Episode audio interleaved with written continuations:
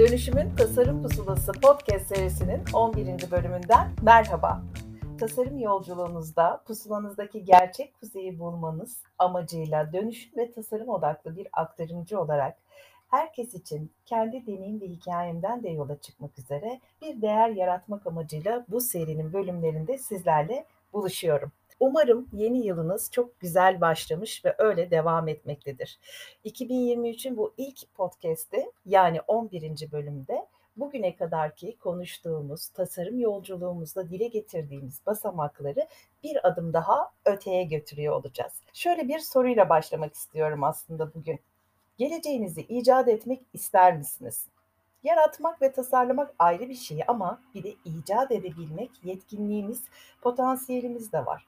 Unutmayın şu anda yaşadığınız hayat tam istediğiniz gibi değilse de yaşam tasarımı size sonsuz sayıda ikinci şans sunabilmekte.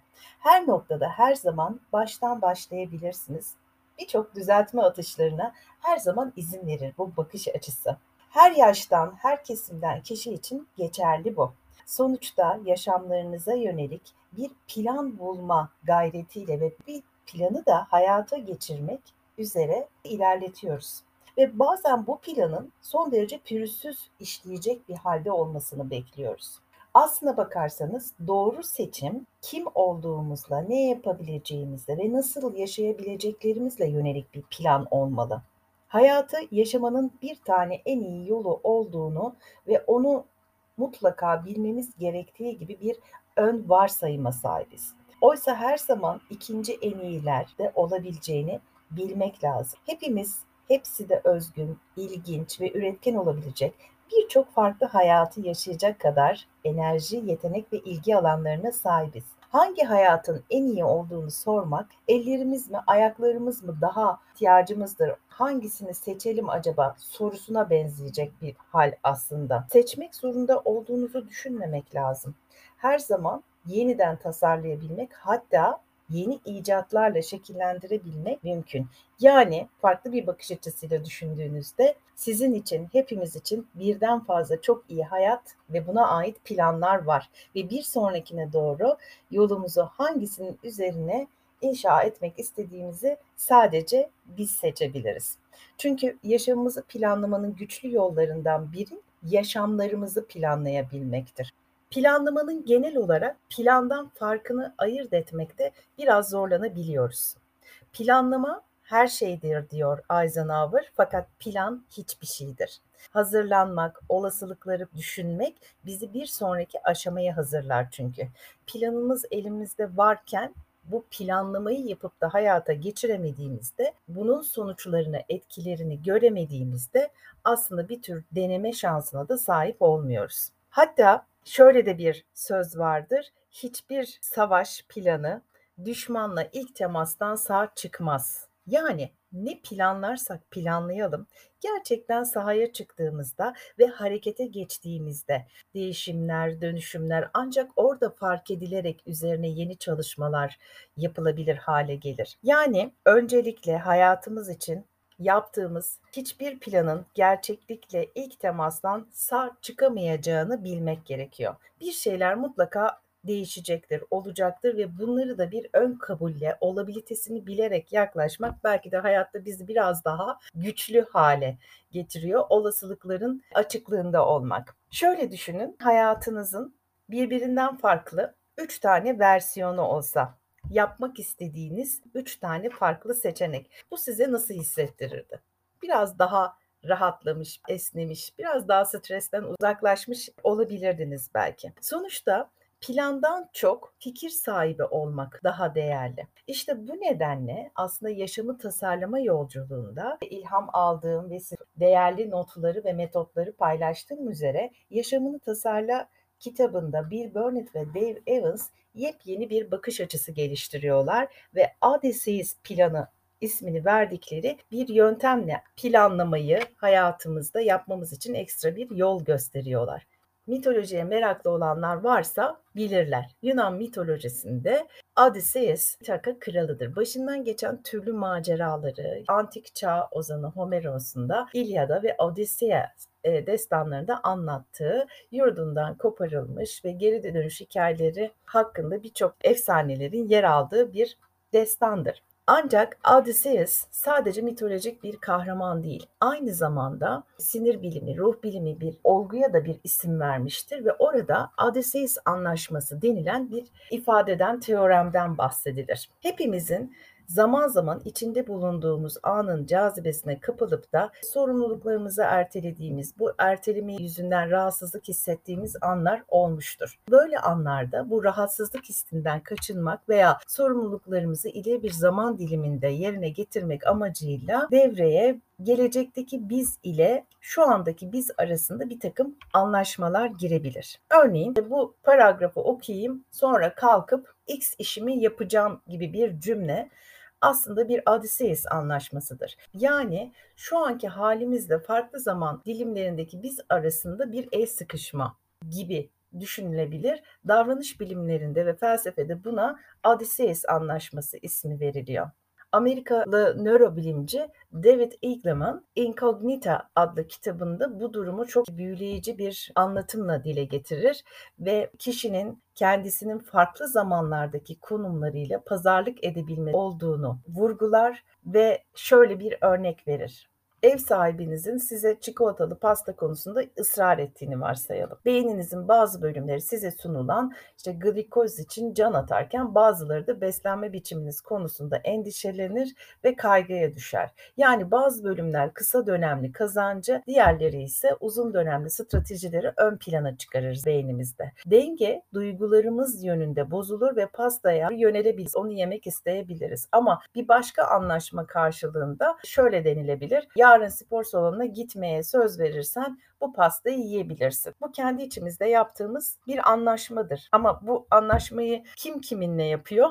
İki tarafta kendimiziz. Dolayısıyla farkında olmasak da bu tür anlaşmalar hayatımızda azımsanmayacak derecede yer alıyor. Bu nedenle Yaşamını Tasarla kitabında Bill Burnett ve Dave Evans bu anlaşmaları kendinizle yaparken aslında yeni bir farkındalıkla, yeni bir bakış açısıyla kendinize ait olasılıkları görmenizi hedefliyorlar. Odysseus planı önümüzdeki 5 yılın ilginç versiyonlarını kafanızın içinde en azından uygulanabilir 3 tanesini hayatınız için tasarlamanızı yönlendiriyor ve birbirinden farklı olasılıkları göz önüne almanızı fark etmenizi sağlamayı amaçlıyor.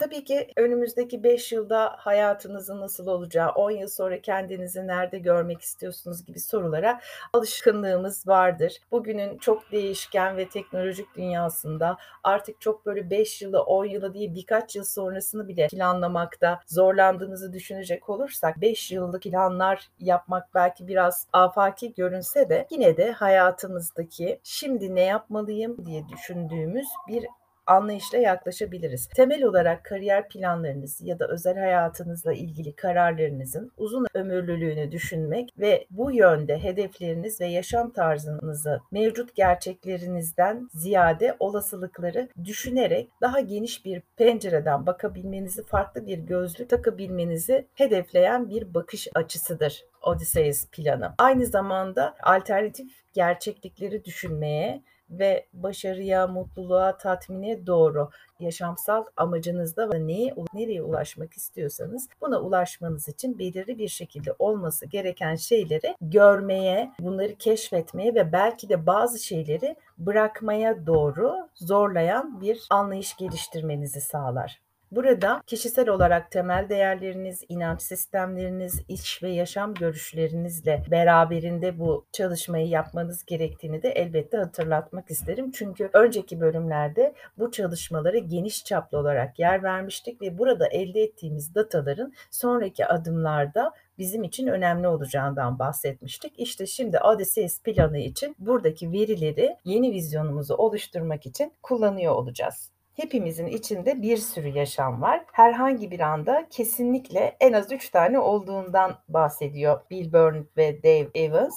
Böyle olunca da bir seferde Tabii ki sadece bir hayatı yaşayabiliriz ama yaratıcı ve üretken biçimde seçim yapabilmek için de birden fazla şeyi üretmek, çeşitlemenin gereğinden bahsediyorlar. Örneğin 3 farklı plan bulmak belki ilk başta size de ürkütücü gelebilir. Neden 3 diye düşündüğünüzde bu olasılıklar dahil. Stanford Üniversitesi'nin eğitim yüksek lisans bölümünde yapılan bazı araştırmalarda 3 planın olasılığının daha yüksek olduğu doğrulanmış. Profesör Dan Schwartz liderliğindeki bir ekip iki grup için bir değerlendirme çalışması yapmış. Birinci grupta 3 tane paralel fikirle başlanmış ve sonrasında sonrasında da final fikirlerine ulaşmadan önce iki fikir daha ürettikleri görülmüş. İkinci grup ise sadece tek bir fikirle başlıyor çalışmaya. Sonra bunu dört kez daha tekrarlıyorlar ve her grup beş tür fikir üretmiş olsa da paralel grupların daha başarılı olduğu, daha çok fikir üretip net olarak daha iyi sonuçlar elde ettiği görülüyor.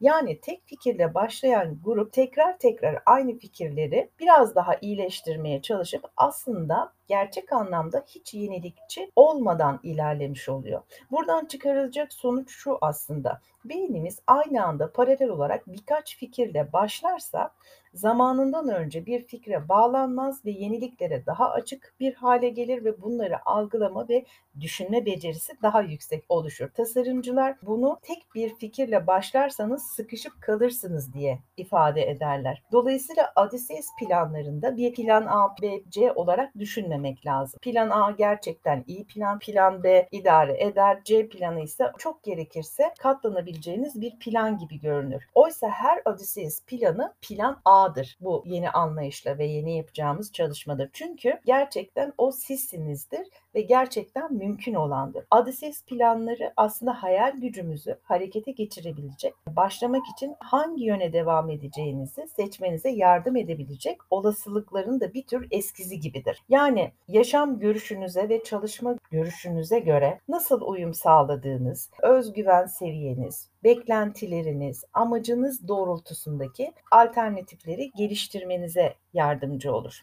Dolayısıyla yaşam da aslında bir Odysseus olarak söylenebilir. Yani en başta niyetlendiğimiz ve ilerledikçe birlikte örmeye devam edeceğimiz zaman içinde ortaya çıkan tüm ümitlerimiz, hedeflerimiz, yardımcılar, tehditler, fırsatlar, bilinmeyenler, mutlu tesadüfler, geleceğe yönelen maceralı bir yolculuktur.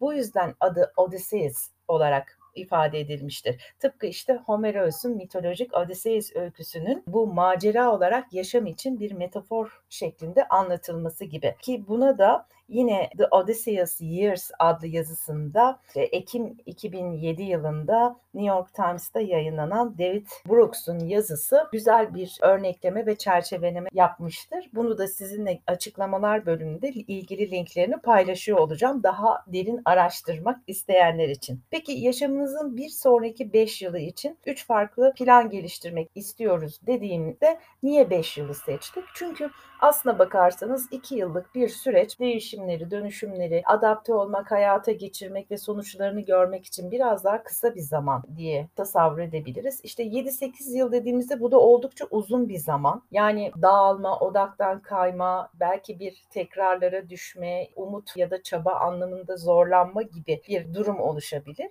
Oysa ki insan ömrüne baktığımızda işte bebeklikten e, itibaren yetişkinlik çağına kadar klasik ve önemli döngülerin genellikle 3-4 yıl içerisinde gerçekleştiği büyürken ki evrimlerimizin işte 0-4 yaş diyelim ki sonra 4-7 yaş arası 7 yaşımız civarında okullara başlıyoruz. Sonraki dönemler gene ortalamada 2 ila 4 yaş aralığında farklı versiyonlarımıza ve dönüşümlerimize meydan veriyor. Dolayısıyla 5 yıllık dönem 4 yıllık bir parçayı ekstra bir yıllık tampon dönemi de içine alarak daha doğru ifade eder diye Stanford Üniversitesi'nde baz alarak 5 yılı almışlar. Yani burada amacımız sizin hayatla ilgili beklentileriniz ve amacınız doğrultusunda yaşamınızı nereye taşımak, hangi şekle dönüştürmek istiyorsanız bu tema etrafındaki 3 varyasyonu oluşturmak değil, buna dair 3 farklı seçenek yaratabilmeyi hedefliyor. Odysseus planı 5 yıl veya 10 yıl ileriye doğru nasıl ilerleyebileceğinize ve bu hayatı zengin, tatmin edici kılacak tüm unsurları ortaya koyacağınıza dair bir tür beyin fırtınasıdır. Hiçbir şey için plan yapmazsanız hiçbir şey de elde edemezsiniz değil mi? Neticede e, bir şeye nişan almadığınızda herhangi bir hedefe vuramazsınız da. Dolayısıyla olası bir plan üzerine hayat çalışsaydı acaba nasıl olurdu diye bakmak gerekiyor. İşte o olası planı görmek adına Odysseus planında 3 tane ayrı versiyon üretmeye çalışıyoruz. E madem bir plan ve beraberinde planlama yapmamız gerekiyor. Bu olası plan üzerine hayatım çalışıyor olsaydı, devam ediyor olsaydı nasıl olurdu e, diye düşünmek, sırada neler olabileceğini anlamak için Odysseus planı iyi bir araçtır, iyi bir şans olabilecektir. Sonuçta işte o bahsettiğimiz A planı, B planı, C planı gibi birbirine denkliği olan ya da birbirini takip eden planlamalar değil. Daha çok bunlar olsa hayatımın nasıl gelişebileceğine dair bir beyin fırtınası yapmayı kastediyor. Bunu tanımlıyor. Aslına bakarsanız Odysseus planları biraz da design thinking mindsetine sahip. Hatta 5 tane önemli parametremiz olacak. Birincisinde ilk mindsetimizde merak var. Merak sizin gelecekten, hayattan, olasılıklardan neyi merak ettiğiniz, nelerin olmasıyla ilgili heyecanınız, hangi öğrenmeleri aradığınız, bununla ilgili merakınızı kapsıyor olsun deniliyor. İkinci etapta ise yeniden çerçeleme yapmak yani reframing dediğimiz klasik bir tasarım ya da problemi ele alıp onu aslında daha ilginç bir problem haline getirmek için ters çevirme hikayesiyle ilintilidir. Çoğu zaman insanlar sıkışıp kaldıkları yerden sorunu ancak yeniden çerçeveleyerek aşabilmektedir. Bu hepimizin hayatında olmuştur, olmaktadır. Bu yeniden çerçevelemenin ardında artık bir eyleme geçişin elbette ki gelmesi gerekiyor. Planlamaları yap ve yolu planlayamasak bile aslında onun için yolu inşa etmek adına ilerlemek için bir şeyler yapmaya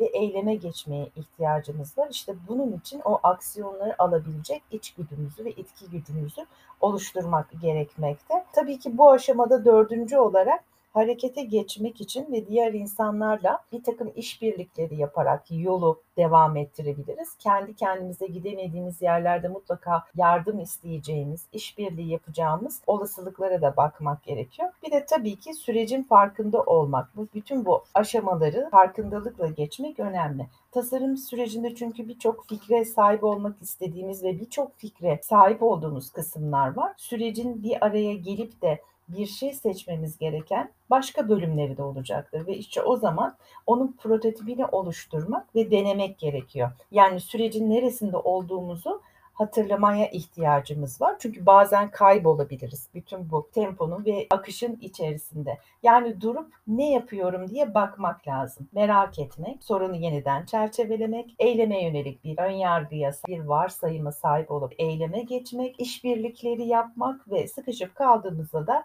geri dönerek sürecin neresinde olduğuna ve bundan sonra ne yapacağımıza bakma şeklinde bu beş madde bizim tasarım yolculuğumuzda en önemli rehberimiz olacak. Süreci rehberimiz olarak kullanırsak çünkü her zaman yapılabilecek bir şey vardır. Bu aslında büyülü bir çözüm gibi, deneyim gibi. Çünkü biz çok geleceği de bilemiyoruz aslında.